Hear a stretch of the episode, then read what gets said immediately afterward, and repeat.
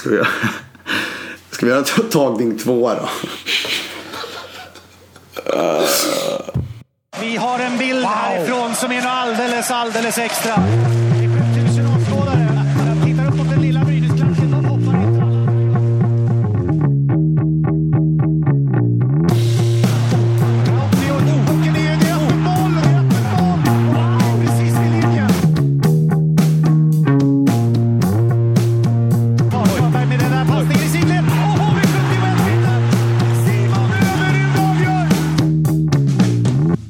Välkommen ska ni vara till tredje avsnittet av Situationsrummet. Podden om SHL tillsammans med mig, Viktor Arner från svenskafans.com och Måns Karlsson från hockeysverige.se. Yes, en friskare Måns idag än för en vecka sedan i alla fall. Ja, det låter mycket bättre. Ja, eh, då var det lite mer hes än vad det är just nu i alla fall. Så att, eh, jag är på väg tillbaka. Ja, men vad, vad härligt. Skönt. Då, då är du på bra humör att prata nu. Exakt, Härligt, exakt. härligt. Jag har värmt upp nu i en timme innan här bara för det här avsnittet. Jag är på gång. Jag är redo att köra. Och det, det finns ju en hel del att eh, gå igenom den här eh, veckan. Fast det bara varit en och en halv omgång så eh, har det hänt jäkligt mycket i, i, runt om i vår kära SHL-liga. Eh, Absolut. Bland annat fick vi en, en hel omgång i, i lördags där kanske resultatet som stack ut allra mest och där vi ska börja den här podden var ju Malmö mot Brynäs. 5-1 till Malmö. En total utspelning framförallt från andra perioden och framåt. Och ett Malmö som ser starkt ut och ett Brynäs som ser eh, allt annat än starkt ut får man väl säga.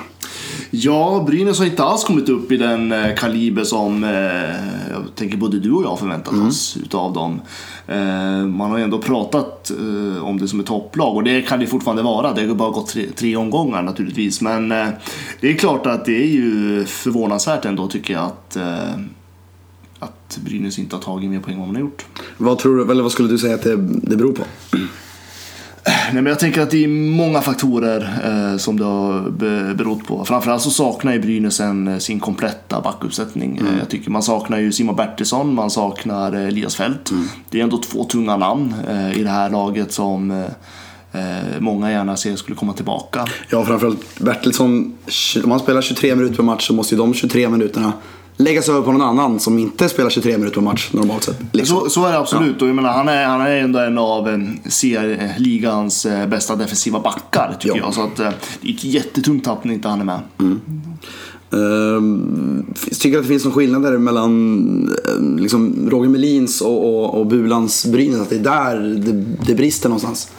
Nej, men alltså, jag, jag tycker man, man ska ha respekt för att Melin vill sätta sin egen prägel eh, på det här laget. Eh, eh, jag vet att eh, många och även Melin själv har sagt att eh, det skiljer inte så jättemycket spelmässigt eh, på dem. Eh, och nej, i, grunden kanske inte gör, men samtidigt så är det ju inte samma formationer som eh, Melin kör som Bulan kör. Inte helt i alla Nej. fall. Eh, utan eh, Melin vill sätta sin egen prägel. Eh, sen vet jag inte om det är de här formationerna som Melin tänker att han ska köra eh, eller om det är fortfarande tidigt på säsong eh, att Brynäs prövar sig fram. För jag tycker det ser ändå, alltså det ser ändå rätt bra ut. Jag tänker i powerplay, boxplay. eh, ser det ändå helt okej ut. Eh, så att det jag tänker är framförallt man ska väl ha lite tålamod eh, just nu när det gäller Brynäs. Man ska ha respekt för att det är en ny tränare.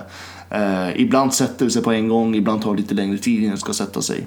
Eh, Så att, nej, men jag tror Brynäs, de måste fortsätta bygga på det de håller på att göra. Och framförallt tycker jag, som jag tycker har varit eh, sett lite frånvarande ut, det är ju det här, alltså, det är ingen tydlig spelidé, eh, tycker jag. Eh, upplever inte som det i alla fall. Eh, och, det, och det är klart att det finns, men jag tycker att där tror jag Brynäs måste rannsaka sig själva lite grann och vara ännu mer tydliga i sin positionering eh, så att man tajmar in bättre med varandra. Vi pratade lite tidigare om, eh, jag tog upp ett citat som Roger Melin hade sagt när han fick frågan om han tyckte det fanns någonting speciellt som han trodde det berodde på. Och tog då upp det här med att det blev konstigt när Jesper Bokvist försvann och eh, Mikael Johansson kom in istället. Men det kan man väl inte säga, eh, att man inte hittar någon roll till honom riktigt. Men det kan man väl inte säga är en anledning till att det ser ut som det gör. Nej, För då tycker jag man förbiser de riktiga problemen. Ja, och samtidigt så glömmer man bort att alltså, jag lever någonstans med den här filosofin att en spelare gör ju inte laget. Och Nej. framförallt inte en spelare som Bokvist. Nej, som fortfarande är Eh, junior. Precis. Liksom. eh, Det är klart att man hade höga förväntningar på honom, men inte som en- den typen av spelare. Eh, Och samtidigt tycker Micke Johansson är en fantastisk spelare, tycker jag. Mm. Eh, Jag tycker, jag tycker ändå att han har gjort det helt okej eh, när han har kommit in i det här laget. Eh, Så att jag tycker det var märkligt citat, Mm. måste jag säga. Däremot Malmö mm, ser precis så bra ut som vi hade förväntat oss. Två storsegrar så här långt mot eh, Rögle och eh, mot Brynäs och sen en övertidsförlust. Sju poäng på tre matcher. Det har gått tre matcher bara, som sagt, men de har väldigt bra fart i spel, väldigt tydlig spelidé med Peter Andersson som han har inpräntat i spelarna. En enorm bredd på forwardsidan som, där de har fyra formationer som är jobbiga att möta. Bra brett på backsidan, det var både Nils och Erik Andersson, brorsorna, borta senast här mot Brynäs. Det märks inte, de tar in en ny kille från juniorlaget, Malte Setkov, som gör en jättebra match där han fick spela.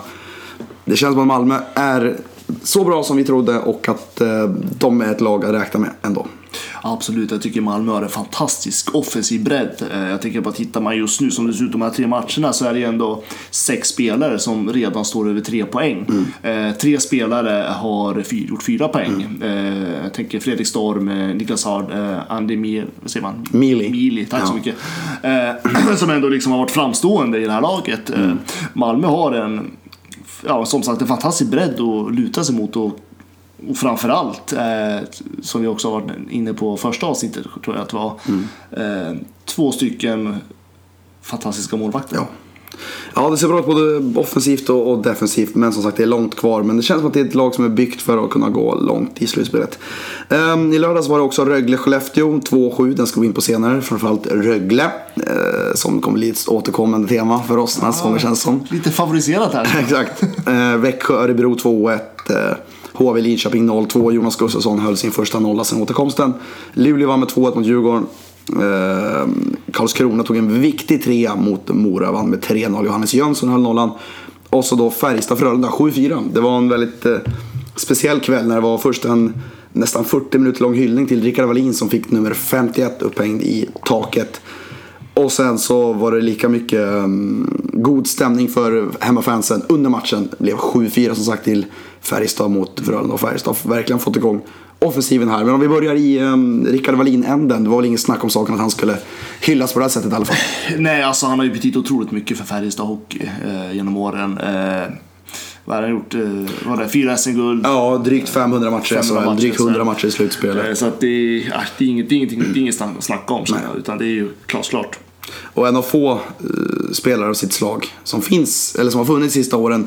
Eh, det är väl i princip bara Joel Lundqvist som är eh, kvar av de här gamla trotjänarna med Rickard Wallin, Magnus Johansson, David Pettersek och de här. De andra tre har ju både hunnit lagt av och eh, hunnit få sin tröja upphängd i taket. Så nu är väl Joel Lundqvist den sista i sitt lag kan man säga. Ja, jag tycker i alla fall den sista som eh, är alltså känt nationellt. Exakt. Alltså som är en stor profil. Ja, precis. Eh, Men sen finns det ju spelare som Sunken, tänker Ja, jag, ja, som har varit absolut. med i många år. Men jag Absolut. tänker som en stor profil som nationellt som, eh, så är väl Joel eh, Ja, precis. Det var ju Janne Sandström i Luleå också. Ja, som, absolut, också en sån, som precis. de alltid nämner uppe i Norrbotten. Ja, Han är ja. inte riktigt samma nationella Nej stjärna men, nej, men de inte, andra. inte samma nationella standard tänker jag som Wallin och Lundqvist har. Alltså, det är Precis. inte, de är en nivå till så att Mm. säga. Så att, eh, det, det är helt sant. Det, det börjar ta slut med dem där. Färjestad leder eh, SHL väldigt tidigt, gjort 15 ehm, mål så här långt. Men det finns anledning att tro att det där kanske inte är helt hållbart. Eh, det var faktiskt Björn Oldén från Simor som tog upp eh, bra siffror på liksom varför det inte kanske är hållbart. Ehm, då är det så, här, så kallad fancy stats eller advanced stats, underliggande statistik som vi ofta säger i Sverige. Med Corsi som då är eh, skottförsök före och emot. Alla skott räknas. Blockade skott, eh, skott på mål, skott utanför mål. Där ska man ligga över 50% för att man ska ligga bra till. Där ligger Färjestad på 44 vilket gör att de inte haft så bra spel. Men deras PDO som alltså är en ihopslagning av skottprocenten respektive räddningsprocenten. Där man alltså ska ligga runt 100% för att det ska vara bra. Där ligger de upp och snuddar på 110. Vilket tyder på att de har haft en extrem utdelning och bra målvaktsspel så här långt som kanske inte är hållbart i längden ändå. Eh, Det är ju väldigt nördiga siffror där. Ja, ja det är det. Men det kanske är för tidigt att dra slutsats efter tre omgångar. Det är det absolut. Jag skulle Mm. jättegärna se de här siffrorna igen. Alltså jag tycker mitten på säsongen. Mm. Alltså kanske efter 20-30 omgångar. Eh, och sen en gång till absolut slutetappen på den här säsongen. Eh, För det är ju jätteintressanta siffror, absolut. Eh, Sen är det ju, det blir lite så när det bara har gått, eh, vad är det, fyra, tre, Ja, fyra omgångar. Lagen kanske inte har satt ihop sina, sitt spelsystem riktigt än.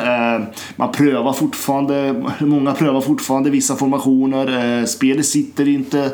Timingen framför allt mellan spelarna är inte riktigt 100% som de ska vara. Eh, Så det är klart att jag tänker att många gånger tror jag de här siffrorna kan skena iväg ganska mycket i absolut. statistiken. Framförallt i början är det så. Framförallt i början, men det är jätteintressanta siffror. Och Frölunda då, som var på förlorande sidan här, de har ju en corsi då på 66% vilket är extremt högt, vilket tyder på att de har ett väldigt bra spel i alla fall.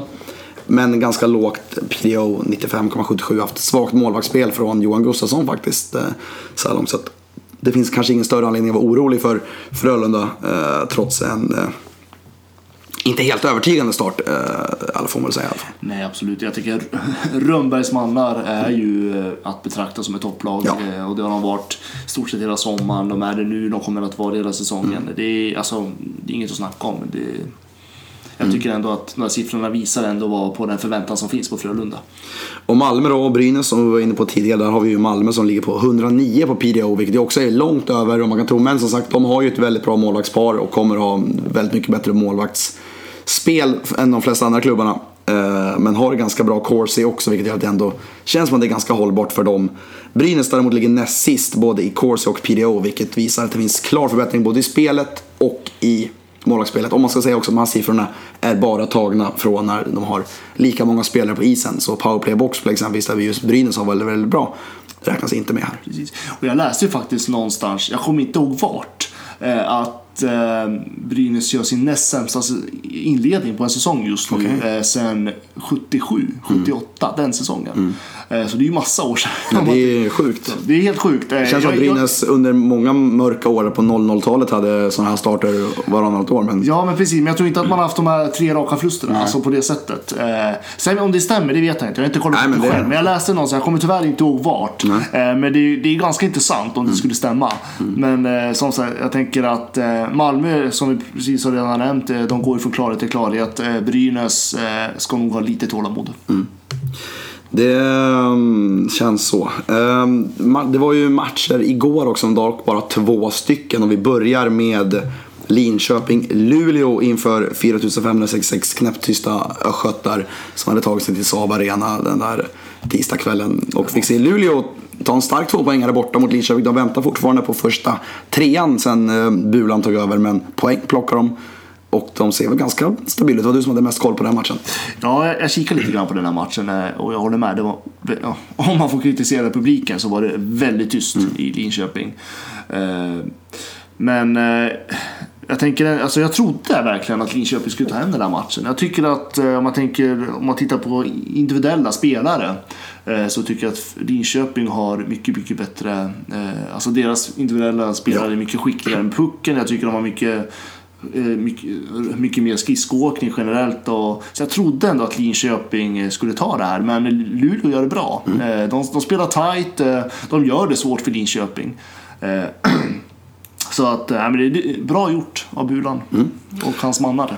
Ja, de, de har eh, sex poäng så här långt på fyra matcher i Luleå. Det är väl en helt okej utdelning. Som sagt, väntar fortfarande på första trepoängaren. Så vi får väl se när den kommer. De möter ju HV här i nästa omgång. Så det på hemmaplan. Så det kanske är chansen. Just HV mötte eh, Karlskrona igår och det var faktiskt en ganska underhållande match där KK stod upp väldigt bra första två perioderna och var det klart bättre laget framförallt i den andra. Men i den tredje perioden så tog HV över fullständigt och hade det inte varit för Johannes Jönsson så hade de vunnit den matchen ganska lätt. Eh, Nu tog det sig hela vägen till straffar där Sebastian Wenström i vanlig ordning var säkerheten själv och avgjorde. Satte två och två straffar och eh, bjöd på sin specialare som han har gjort i, eh, jag tror att det är 38 år sedan han gjorde den för första gången den straffen och jag har aldrig missat det ungefär. Eh, så att eh, stabil som vanligt från straffslagspunkten Wenström och blev HV. Man kan ju tycka att målvakterna borde ha lärt sig. Man kan tycka det ja. Man kan tycka det ja. Han har ju kört den där jämt. Ja. Men ja, Ja, det är, det är fascinerande. Ehm, det mest häpnadsväckande från den matchen annars, förutom Wenströms straffkyla och Jönssons målvaktsspel, var annars en junior vid namn David Gustafsson som eh, tog sig in och gjorde sin fjärde match i eh, A-laget, tror jag det var. Ehm, och gjorde mål, eh, fick spela med Martin Törnberg och och Max Wern i, i ehm, första formationen och, och gjorde det väldigt bra och blev målskytt och blev hyllad av Martin Törnberg i simon studion också för sitt fina spel och tyckte att han hade höjt de andra. Så det är kul, en, en, en ung talang att hålla koll på. Redo valde att fria i den situationen. Där friar han inte när eh, Lilja delar ut en eh, riktigt tuff smäll. Och då blir han liggande där, Henrik Hettan, lagkaptenen. Det finns ju hockey även utanför isen att snacka om. Eh, en av de spelarna som var med och lirade igår faktiskt, Jakob Lilja, hade ju en hektisk dag får man säga. Eh, blev ju dömd återigen för misshandel för situationen med Jens Olsson för två och ett halvt år sedan i en SHL-kvalmatch mot eh, Malmö. Ja, precis. Eh, Skånederby mellan eh, Malmö och Rögle. Exakt. Faktiskt Och- den 5 mars. Ja, precis. Så det är till och med mer än två och ett halvt eh, år sedan. Och blev dömd tingsrätten först och sen gick hovrätten mot tingsrättens dom igår och gav honom dagsböter på 40 dagar på 650 spänn var det väl. 24 000 sammanlagt. Och det här går ju att prata om i kanske ett poddavsnitt bara om det här. Skulle jag säga. Du skrev en, en bra krönika om det här på svenskafans.com idag. Eh, Vill du berätta lite grann din eh, ståndpunkt och vad du, vad du skrev där? Ja, eh, jag, kör, jag skrev lite ner spontana tankar. Eh, precis direkt efter att den här informationen kom ut. Då, eh, Att hovrätten följde tingsrättens bedömning. Eh, och det är klart, man har fått både positiva och negativa eh, ord, ordalag efter Ja, det. Det är ju ett ämne som berör. det berör väldigt mycket, folk tycker olika och jag tänker så ska det vara också Mm. naturligtvis. Och sen att det är ju ett svårt fall överlag i och med att vi har inte riktigt sett det i svensk hockey förut. Nej, och det det, här och det är det som gör den här processen så unikt och så Precis. spännande. Jag vet att många skrivit till mig, alltså varför tar ni upp det? Det här är så ointressant. Det här Mm. hände för två och ett halvt år sedan. Eh, Men det är intressant utifrån att det är en unik händelse. Eh, Vi kommer att få en, eller vi har fått en domstolsbeslut på en händelse som hände på hockeyplan. Mm. Där också, alltså det, och det jag är intresserad av, det är ju inte det här det är inte att jag är inte emot själva domen, alltså rent juridiskt. Eh, Då tycker jag det är korrekt eh, om man tänker rent juridiskt. Men jag tycker det intressanta är det här rättspraxis som följer efter. För på något sätt så blir det ju att eh, nu har ju domstolen satt sin gräns på något sätt. Man har satt sin ribba lite grann. Det jag frågesätter är alltså hur hur kommer det här praxis att se ut i framtiden? Jag tänker hur, hur kommer den här ribban ligga?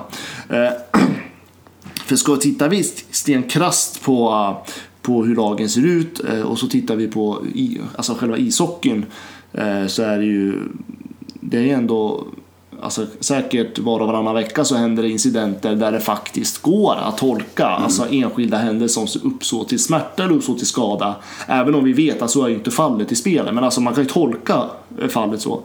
Eh, Jag undrar hur alltså, åklagare i framtiden i så fall skulle se på en sådan sak. Eh, Jag tänker, vi kan ju inte ha 350 SHL-spelare med varsin försvarsadvokat som måste förklara sammanhanget och kontexten efter varje omgång. Det, Det blir, det blir dyrt för, Det blir- för spelarna framförallt. det blir fruktansvärt. Och, så, och, och naturligtvis, alltså, så kommer det inte funka, naturligtvis. Men eh, det blir spännande ändå tycker jag liksom se hur, alltså, hur, kommer, hur kommer man att eh, ta det här efteråt? Alltså hur kommer den här diskussionen att finnas med efter? Utifrån att nu kommer det finnas en, en rättspraxis på det här. Eh, och det är ju, alltså en praxis är ju en form av regel eh, som domstolen sätter upp utifrån deras domar. Eh, så att, eh, men jag tycker det är en intressant diskussion. Ja, det är ju väldigt svårt. Alltså, jag har ju varit inne på hela den här, egentligen hela tiden att fasen vad fjantigt det är att ta upp det här till rätten. Är, han fick sitt, sitt straff av hockeyn, han fick tio matchers avstängning. Eh, han blev liksom väldigt hårt anklagad i media och av supportrar. Han har fått sitt straff av hockeyn, av eh, liksom hockeypubliken, av alla.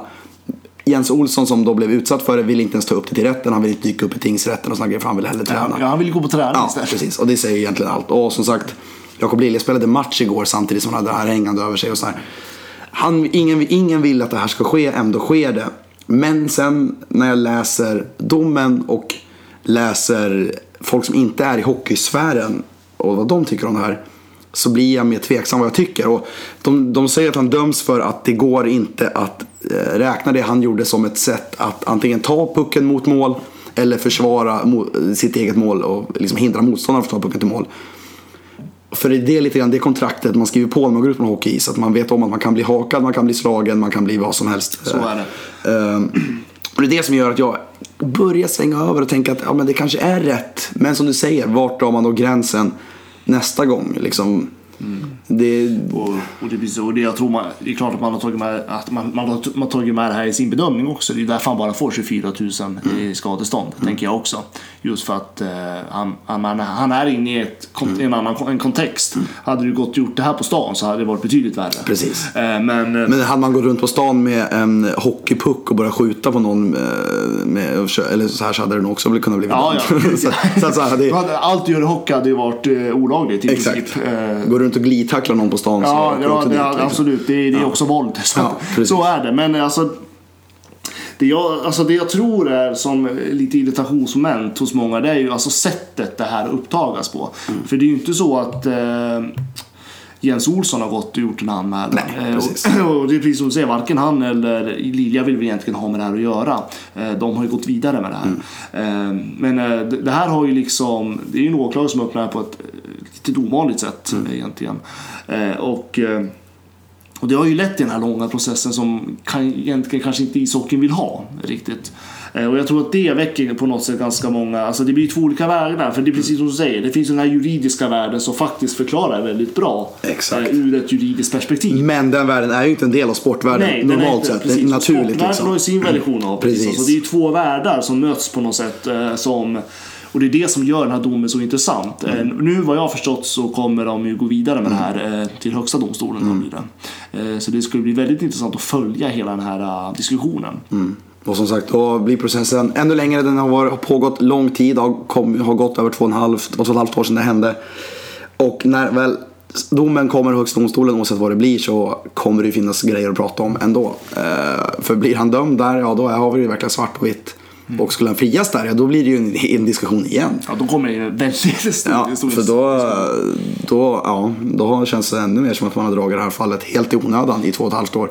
Och alla kostnader för skattebetalare som folk är så upprörda över eh, också här. Så att, eh, Så är det. Och jag tänker, alltså det är så mycket rättsprocesser som pågår i vårt Ja. land som är, handlar om helt absurda saker. Så att ska man tänka skatteintäkt, skattepengar i det här så är det ju väldigt, väldigt liten, liten, liten summa i det stora hela.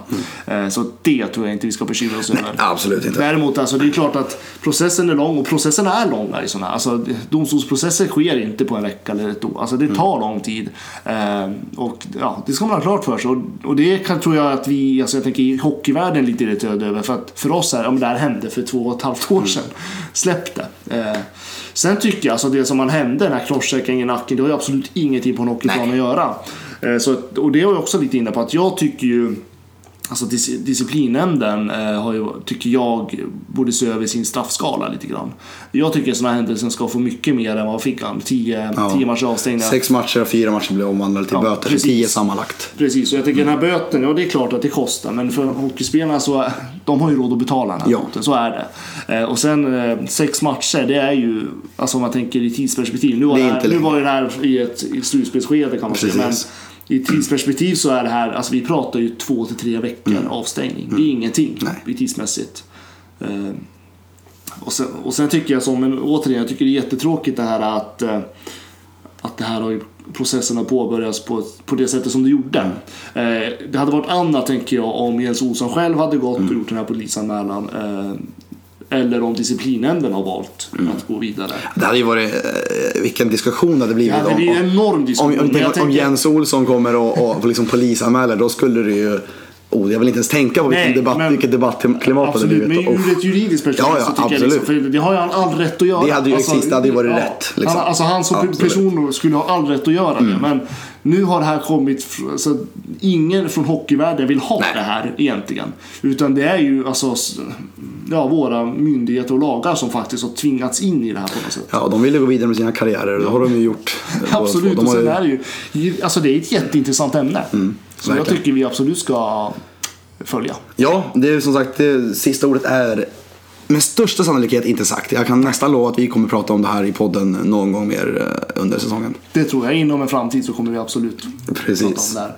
Och när vi då ändå är inne på Rögle, vårt favoritlag eh, i den här podden. Eh, Lilja lirade ju i Rögle när det här skedde så måste vi återigen rikta ett ljus på säsongens snackis får väl ändå säga så här långt Rögle med tre raka storförluster, tre gjorda mål, 17 insläppta och nu har man återigen, precis som förra säsongen, värvat in en målvakt under säsongen. Den här gången tog det tre matcher innan Justin Poggi, som tidigare har stått i Karlskoga och Färjestad, gjort det väldigt bra där. Eh, lite underskattad målvakt, gjorde det framförallt bra i Färjestad utan att få några stora rubriker. Kommer in, Emil Kruse, eh, den spelaren som sagt som vi tycker mest synd om i SHL så här långt. Fick tre matcher nu eh, och det är väl ingen som är avundsjuk på den situationen han blev ställd för. Han kommer in i princip som andra målvakt i Hockeyallsvenskan förra året. Gör ett jättebra SHL-kval mot Rögle. Får chansen tack vare det. Och sen går Ville Kolpanen sönder och så får han stå där första tre matcherna på säsongen. Det är ju ett tufft läge för Emil Kruse. Absolut, och jag tycker alltså rent alltså från en elitorganisation som Rögle så tycker jag det är inte schysst gjort. Eh, någonstans. Eh, nu hamnar man i den här situationen rätt ofrivilligt. Eh, Det är klart att man hade hoppats på Ville Korpanen. Mm. Eh, jag själv hade sett jättemycket fram emot att se honom för jag trodde ändå att han skulle vara en, ja, men en viktig målvakt som på något sätt skulle vara med och bära det här Rögle. Mm. Eh, att, från att inte bli det här äh, laget som ligger i topp, absoluta botten av Mm. tabellen. Eh, men nu är han borta. Och som sagt, Kruse kommer in. Eh, får... Hur, många släppte han in nu? Eh, ja, det har varit 17 på tre matcher. 17 på tre matcher. Ja. Det alltså den statistiken vill ingen målvakt ha på sitt CV. Men alltså, och samtidigt, alltså, man ska ju inte lägga han, alltså, Nej, nej, skuld, den skulden på honom heller. Utan det är hela Rögles spel på något sätt som har fallerat. Eh, man får inte ihop det här laget. Eh, nu värvar man in en ny målvakt Mm. som jag absolut kan bli bättre i, i långa loppet. Mm. Men jag, tänk, jag tänker inte att det kommer rädda Rögles situation just nu. Mm. Utan där är ju hela, alltså hela spelsystemet måste ju förändras i Rögle. Jag har ju sagt åt, väldigt frågande till att de återigen sätter sig i en situation där det finns en väldigt stor risk att deras målvaktsfråga inte blir löst. Alltså förra året ställde de upp med, med Oskar Dansk och eh, Lars Wolden, två ganska instabila målvakter. Man visste om att det inte skulle funka. Tog halva säsongen så gjorde man klart med Anders Lindbäck, det räddade upp situationen. Ville Kolpanen, absolut tydlig etta. Men varför sätter man sig i en situation där en sån som Emil Kruse som knappt har stått i Hockeyallsvenskan. Han har gjort, äh, han har stått 37 matcher de senaste två säsongerna i Hockeyallsvenskan. Varför riskera ens att hamna i en situation där han behöver stå? Oavsett vad man vet om om på en skada. Det är klart man inte kan, man kan inte mm, liksom bli immun mot skador men äh, de borde ha sett att det här kunde ske på, Ja, men på någonstans, förhand. alltså, man undrar ju mycket information, alltså, hur, Ja. vad han var i för skick när, alltså, när, alltså, Ja, och- när de införde sånt. Och vad de, vad de har sagt, vad, vad Kolpanen har sagt sista tiden nu här, eller liksom så här, om han har kanske ett sken av att han är snart spelklar, vilket gjort att men då kör vi. Eh, Då kör vi med Kruse här, sen har jag dragit ut på tiden under tiden och sådär. Om det är att han har kört någon sorts fulspel. Liksom, det är Precis. svårt att veta. Jättesvårt och sen tycker jag, alltså, alltså, det är klart att då har ju Kruse fått tagit ett alldeles för stort ansvar Precis. för att inte, alltså Jag tänker, han fick ju Oliver Takell som skulle avlasta Mm. eh, i, ja, i båset då naturligtvis. Men som var, han, han fick ju vara målvakt i Brynäs några matcher också. Exakt, men Eh, han har aldrig stått Nej, annars SHL. än Hockeyettan Ja. som han har stått för. Och bara det glappet är ju ett enormt. Hockeyettan, Mm. SHL. Eh, Så att Kruse har ju fått tagit på sig enormt ansvar i ett. Rögle som, alltså där försvarsspelet i princip inte ens finns, känns det som ibland. Eh, Så att jag tycker det är väldigt oschysst, eh, Mm. olycklig situation som han har hamnat i. Och uh, har lite statistik här från Petter Karnbro som är också en sån här fancy stats guy, lite grann som Björn Oldén nu också då. Eh, han har tagit fram intress- väldigt intressant målvaktssiffror. Att mellan åren 2013 till 2017 av alla målvakter i SHL som har stått minst 50 matcher så är Justin Poggi före Joel Lassinantti och Oskar Alsenfelt den målvakt som haft bäst räddningsprocent av samtliga SHL-målvakter under de här åren. Eh, vilket ändå säger att det är en klassmålvakt Rögle väljer att plocka in här. Så det ska bli kul att se Justin Pogge. Nu får han vara tydlig etta här också ett tag. Eh, det var han ju aldrig i Färjestad. Där fick han konkurrera med, med Lars Haugen då bland annat. Men sen blir det intressant att se vad händer när Kolpinen kommer tillbaka. Får han chansen av Rögle eller väljer man att satsa på Pogge och Kruse och släpper Kolpinen? Det blir också en, en fråga för Masken Karlsson att ta hand om.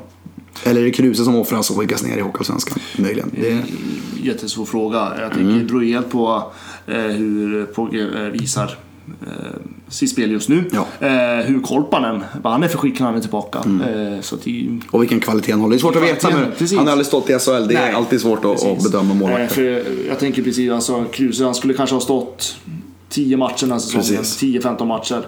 Eh, för att växa sig in i SHL innan Exakt. liksom, han får ta större ansvar. Det här var ju liksom... Eh, nej, jag tycker det här har skötts helt fel. Det sköts väl fel. Men vi får se nu om...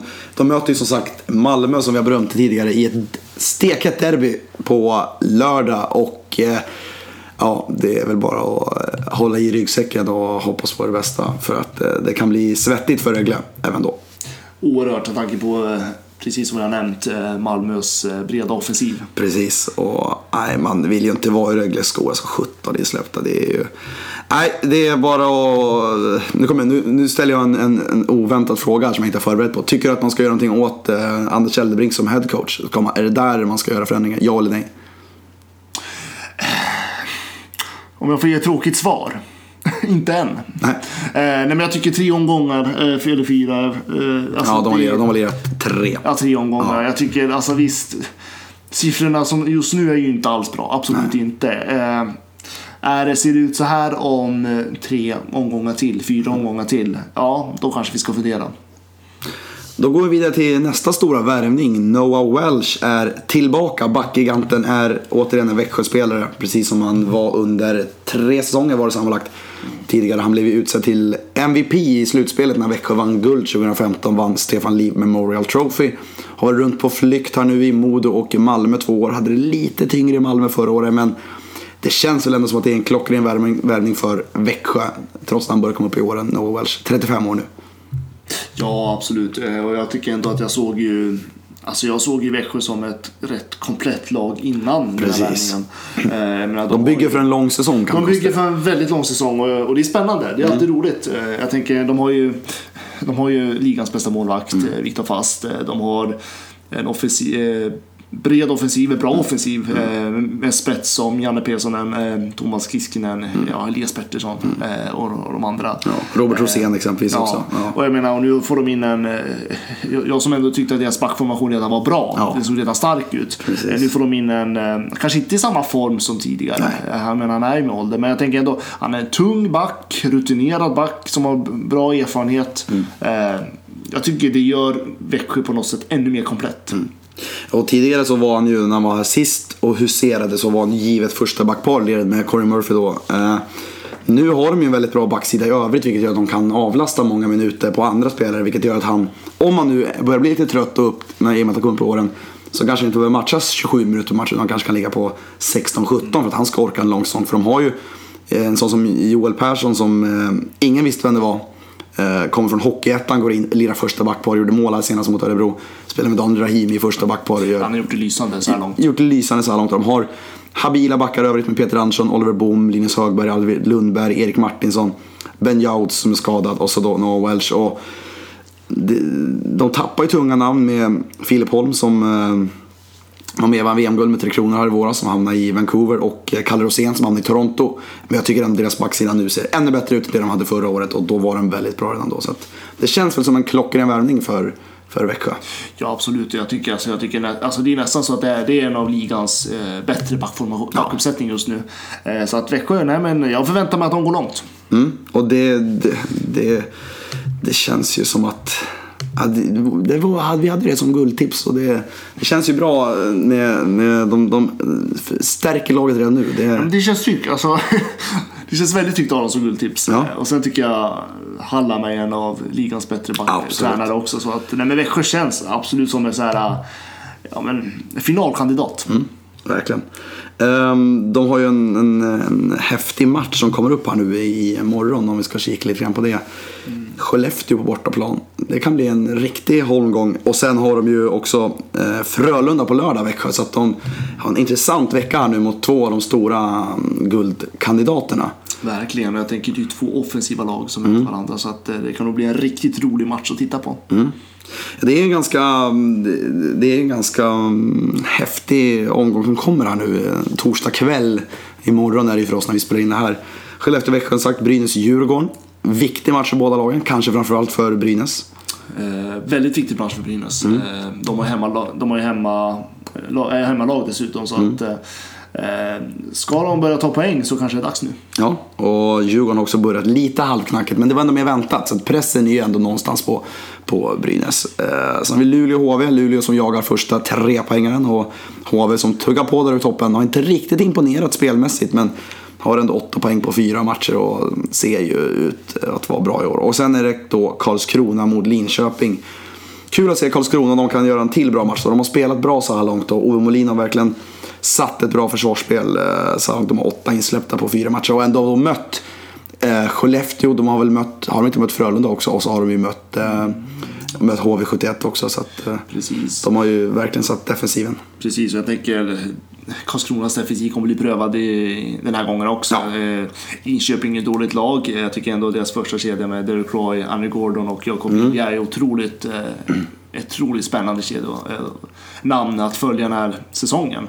Eh, jag tänker Derek Roy har ändå, han får nästan 19 minuter speltid per match. Mm. Så det visar ändå på att han har ju stort förtroende i den. Om vi då är inne på ålder och trötthet med Noah Welch. En center i den åldern, Derek Roy, han är väl 36 om jag inte minns eh, fel. Går in, går in och, och lirar så tunga minuter direkt. Det blir intressant att se om han håller hela säsongen. Men han, han var ju en liten osäker värld när han kom. Var som sagt bra i NHL men det var 7-8 år sedan. Men har ju verkligen levererat i SHL. Har väl fem poäng på fyra matcher tror jag. Så att, eh, spännande. Precis. Men jag tycker det känns lite klassiskt Linköping att ha alltså, några få spelare som kör, spelar väldigt, Ja, väldigt så har de. De har jobbat, jobbat tänker- mycket med så. Nej, men jag tänker Ed- Eddie Larsson som är back där, han har ju 20 minuter just nu och Andy Gordon ligger ju på 17 minuter så att eh, det är ju... Nej, men det, det känns lite som Linköping, typiskt Linköping Hockey att eh, ha några, en riktig spets och bara lira, spela otroligt mycket med. Så att, äh, det blir spännande.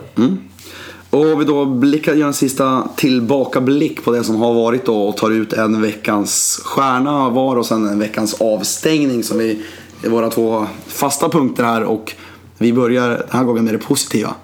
Veckans stjärna. Veckans stjärna. Mm. Ska jag börja? Ja, Eh, Ja, jag har ju typ blickat norrut Mm. efter det. Jag, jag tar Einar Emanuelsson. Ja. Född 97. Eh, och utifrån att eh, jag tycker ändå att han gjorde hittills eh, som jag också tror blir en av säsongens kanske snyggare mål. Mm. När han körde köksvägen där och bara petade upp han i krysset helt på egen hand. Det var ri- riktigt roligt att se.